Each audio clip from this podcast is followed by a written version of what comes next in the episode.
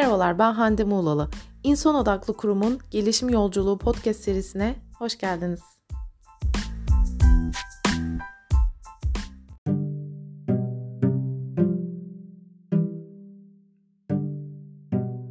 B2B pazarlama stratejisi serisinin dördüncü bölümündeyiz.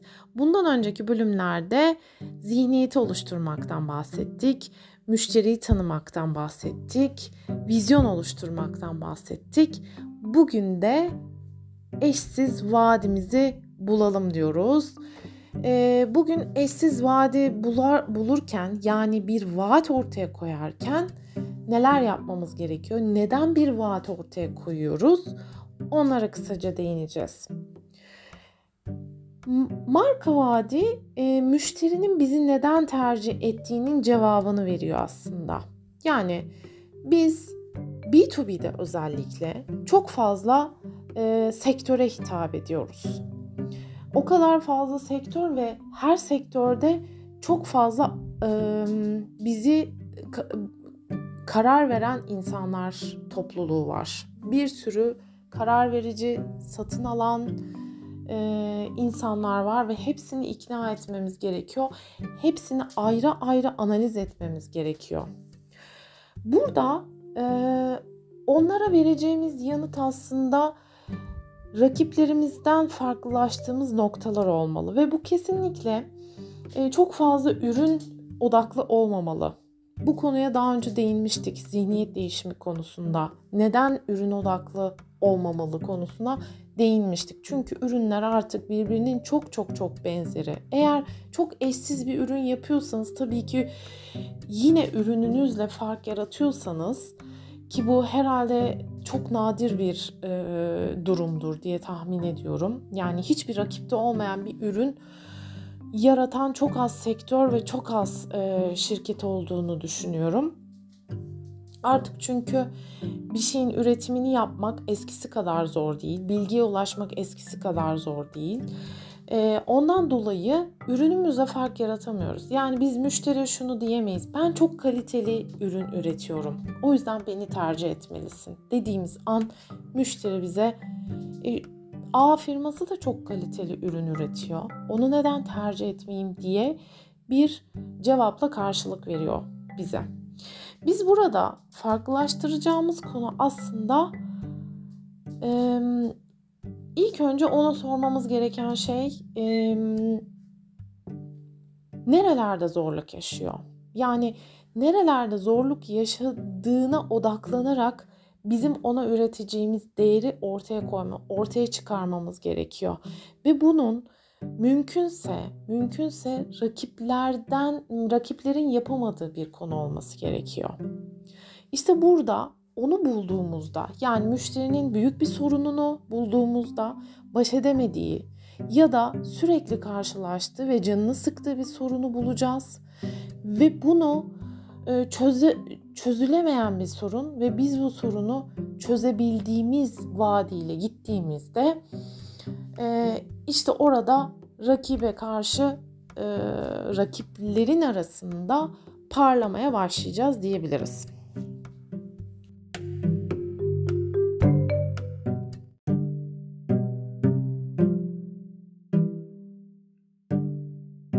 Marka vaadini bulurken ilk önce kendimize hangi hedef kitle için bu vaadi ürettiğimizi sormalıyız.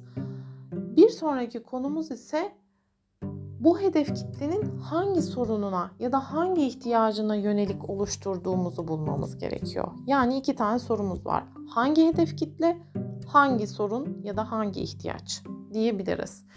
B2B'de daha önceden de söylediğim gibi aslında tek bir sektöre hizmet etmiyoruz. Birçok sektöre hizmet ediyoruz. Yani ürettiğimiz ürünler aslında farklı farklı sektörlerde e, talep görüyor.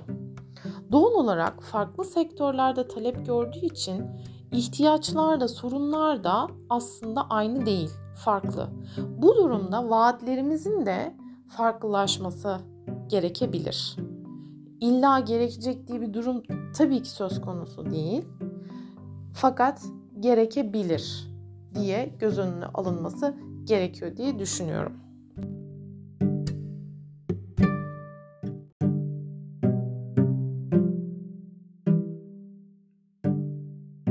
Konuyu biraz daha somutlaştırmak için isterseniz örnek bir sektör üzerinden gidelim.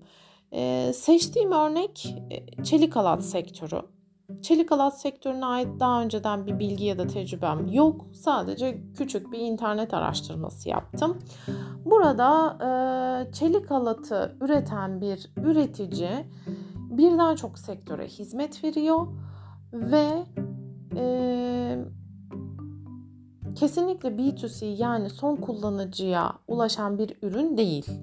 E, B2B işletmeler arası satışı yapılan bir ürün. Onun için çelik halatı seçtim aslında. E, kullanılan sektörlere baktığımızda hangi sektörler çelik halat kullanır onları birazcık inceledim. Asansör sektörü, vinç, vinçlerde kullanılıyor, stadyum inşaatında, köprü inşaatında, e, madencilikte ve denizcilikte kullanılan e, birçok yani yaygın sektöre hizmet veriyor çelik halat üreticileri. Burada tabii ki mesela bir çelik halat üreticisiyseniz bu sektörlerle ilgili bütün e, müşterilerimizle görüşmemiz gerekiyor. Nelere ihtiyaç duyduğunu, hangi konularda sorun yaşadığını, e, ne yaparsak ona daha fazla yardımcı olacağımızı, zaman kazandırabileceğimizi, para kazandırabileceğimizi, onun e, işinde fark yaratan bir işletme olması için e, biz ne kadar ona yardımcı olabileceğimizi sorabiliriz mesela. Çünkü eğer ona para kazandırırsak e, o fark edilebilir bir noktaya gelirse işletme olarak bizim sayemizde doğal olarak sadakat bağlarımız daha da kuvvetlenecek. E, yani bu gözle bakmamız gerekiyor aslında e, olaya. Yani kısa vadeli kazançlardansa daha uzun vadeli işbirlikleriyle e, karşılıklı değer yaratma e, konusunda aslında kazan kazan bir e, durumun ortaya çıkmasını sağlayabiliriz. Burada vademize dönecek olursak her sektör için farklı vaatler oluşturabiliriz ama burada ön plana çıkan çelik halatın aslında e, kullanıldığı yer itibariyle çok güçlü bir e, yapı olması gerekiyor. Güvenlik esas burada esneklik çok önemli. E, bir taşıyıcı yapı oluşturuyorsunuz çünkü. E, burada hareketli yapılarda da kullanılan çelik halatlar var. E, statik e, konusunda kullanılan, statik yapılarda kullanılan halatlar da var. Bunların esneklikleri, sağlamlıkları e, çok farklı. Buradan neye geliyoruz konuya? Aslında mühendislik hizmeti vermeye geliyoruz. Şimdi ürünle fark yaratamıyoruz ama eğer yaratabiliyorsak argemizle mükemmel o konuya değinmiyorum. Ama diyelim ki çok farklı bir ürün yapmadıysak nasıl farklılaşabiliriz? Ve vadimizi nasıl oluşturabiliriz konusuna geldiğimizde burada işte e, en önemli konulardan biri tabii ki müşterinin verdiği cevap olacak ama müşteri muhtemelen ürünün seçimi konusunda e, üst düzey uzmanlık arıyor çelik halat üreticilerinden diye düşünüyorum. İlk aklıma gelen o oldu. Çünkü e, hiçbir e, asansör firmasındaki çalışan mühendis ya da stadyum işini yapan mühendisler tabii ki bu konunun uzmanı olsalar da bir çelik halat üreticisindeki mühendis kadar o işin detaylarına hakim olmayabilirler. O işin e, hesaplarına hakim olmayabilirler ve genellikle e, ürünün üreticisi tarafından teknik destek ve uzmanlık almaya e, açıklar. Ve eğer bu konuda yalnız hissetmezlerse kendilerini yani çelik halat üreticileri bu konuda destek olurlarsa projelendirme, hesaplama aşamalarında e, sanırsam e, karşıdaki firmayı epeyce rahatlatmış olacaktır diye tahmin ediyorum. Bunlar tabii ki sadece tahmin. Yani o sektörde neler yaşanıyor, ne tarz sıkıntılar var, ee, bir çelik halat üreticisinden ne neler bekliyor bir asansör üreticisi ya da bir stadyum inşaatındaki e, inşaat mühendisleri, mimarlar tabii ki bilmiyorum. Bunlar sadece öngörü. Bir diğer konu ise bu işin montajı olabilir diye düşünüyorum. İşte burada e, neye değinebiliriz? Yani montaj kısmına ya da teknik destek kısmını parlatabiliriz. Belki burada bu üretim yapan şirketlerin çoğu belki bu hizmetleri de veriyor olabilir. Veriyor olsa da bu işi nasıl mükemmelleştiririz konusunu düşünmek lazım. Bu hizmeti veriyor olmak, bu hizmeti mükemmel veriyor ve kusursuz veriyor olmak anlamına gelmiyor. Ee, işte bu noktayı parlatabiliriz. Yani çok yaratıcı bir fikir gibi görünmese de yani ne olacak? Bunda işte hesaplama yapacaksın, montajını yapacaksın. Bu bir vaat olamaz desek de aslında olabilir. Eğer müşteri o konuda çok büyük sorunlar yaşıyorsa sorun yaşamaması için neler yapmamız gerektiğini onlarla konuşarak ya da üstüne düşünerek neler yaşadığı konusunda bir gün belki onunla beraber çalışarak ne gibi sorunlar yaşıyor? Bir bakarak onun e, kimliğine bürünerek onun e, koltuğuna oturarak e, neler yaşadığını görmemiz gerekiyor aslında. Ve daha sonra e, bunu mükemmel nasıl mükemmelleştirebiliriz'i e, düşünmek ve vaadi o şekilde oluşturmak çok önemli diye düşünüyorum. Siz ne düşünüyorsunuz?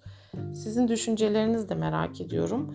O yüzden e, eğer düşünceleriniz varsa bana e, e-mail adresimden ulaşabilirsiniz ya da sosyal medya hesaplarımdan ulaşabilirsiniz. Bölüm e, notlarına ekliyorum bunları.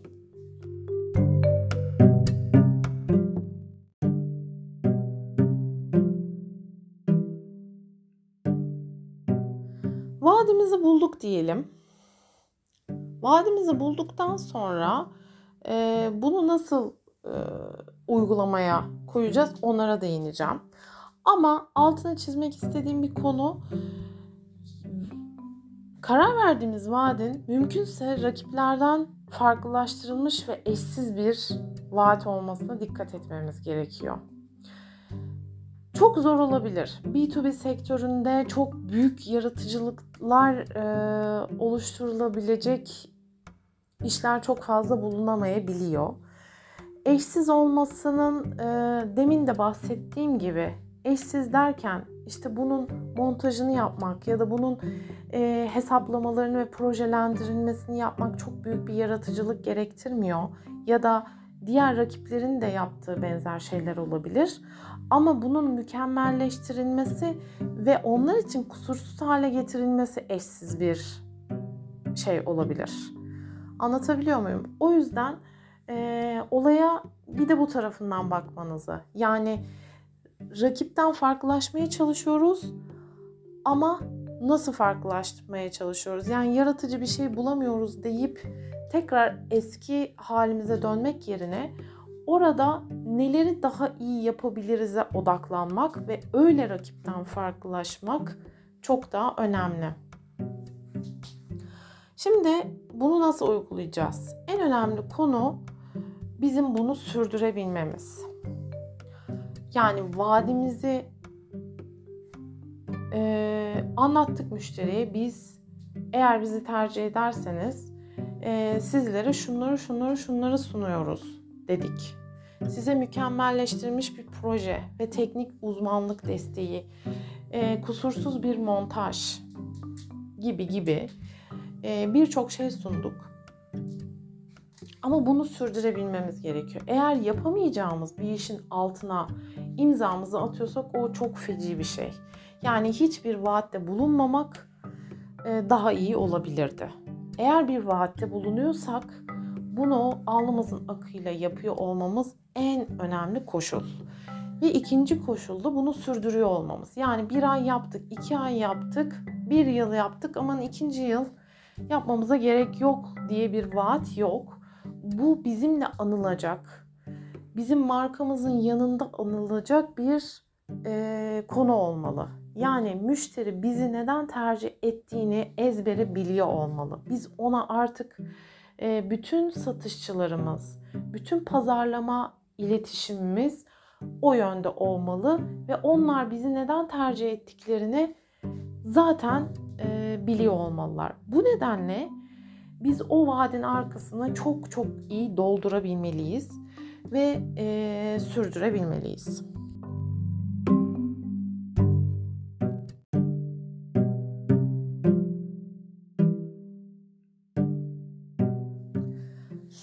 Sürdürülebilirlikten bahsettik. Bunun e, söyledikten sonra bir yıl sonra da, iki yıl sonra da, beş yıl sonra da bizimle anılması gerektiğinden bahsettik. Pazarlama iletişimimizin, e, satışçılarımızın söylemlerinin bu yönde olmasından bahsettik. Bir diğer husus ise standartlaştırma. E, burada mesela bu vaadi veriyoruz ama satışçılarımızın bir kısmı bunun farkında bir kısmı değil. Ya da e, elemanlarımız bu konuda bilgisiz. Ne yapacağını bilmiyor. E, o yüzden yeni işe giren elemanlarımıza da bu konuda eğitimler vermemiz standartlaştırmanın en temelinde yatıyor. Yani her satışçımız bu konuya hakim olmalı. Her projecimiz işte vaadimiz neyse her montaj ustamız bu konuya hakim olmalı ve bunun yapılması gerektiğini zaten bilmeli. O yüzden yeni işe giren elemanlarda da bu konunun e, müşteriyle müşteriye giden hizmetin e, ne olması gerektiği herkes tarafından standart bir şekilde biliniyor olması gerekiyor. Eğer bir şubemiz varsa bir şubenin yapıp diğer şubenin yapmaması bu da standartlaştırmaya girmez. Ee, yani bir elemanın yapıp bir elemanın yapmaması, o hizmeti veriyor olmaması e, standartlaştırmaya girmez. İşte biz her şubemizde, her elemanımızda, her satışçımızda, e, her mühendisimizde aynı bilgiye sahip olmasını sağlamalıyız. O konuda eğitimler vermeliyiz. Tabii ki bu vaatler bu arada e, kopyalanabilir. Yani kimse bir vaadin kopyalanamayacağını söyleyemez. Ya da kopyalanamayacak bir vaat bulamadığımız için vaat oluşturmamak da mantıklı değil. E, her vaat kopyalanabilir.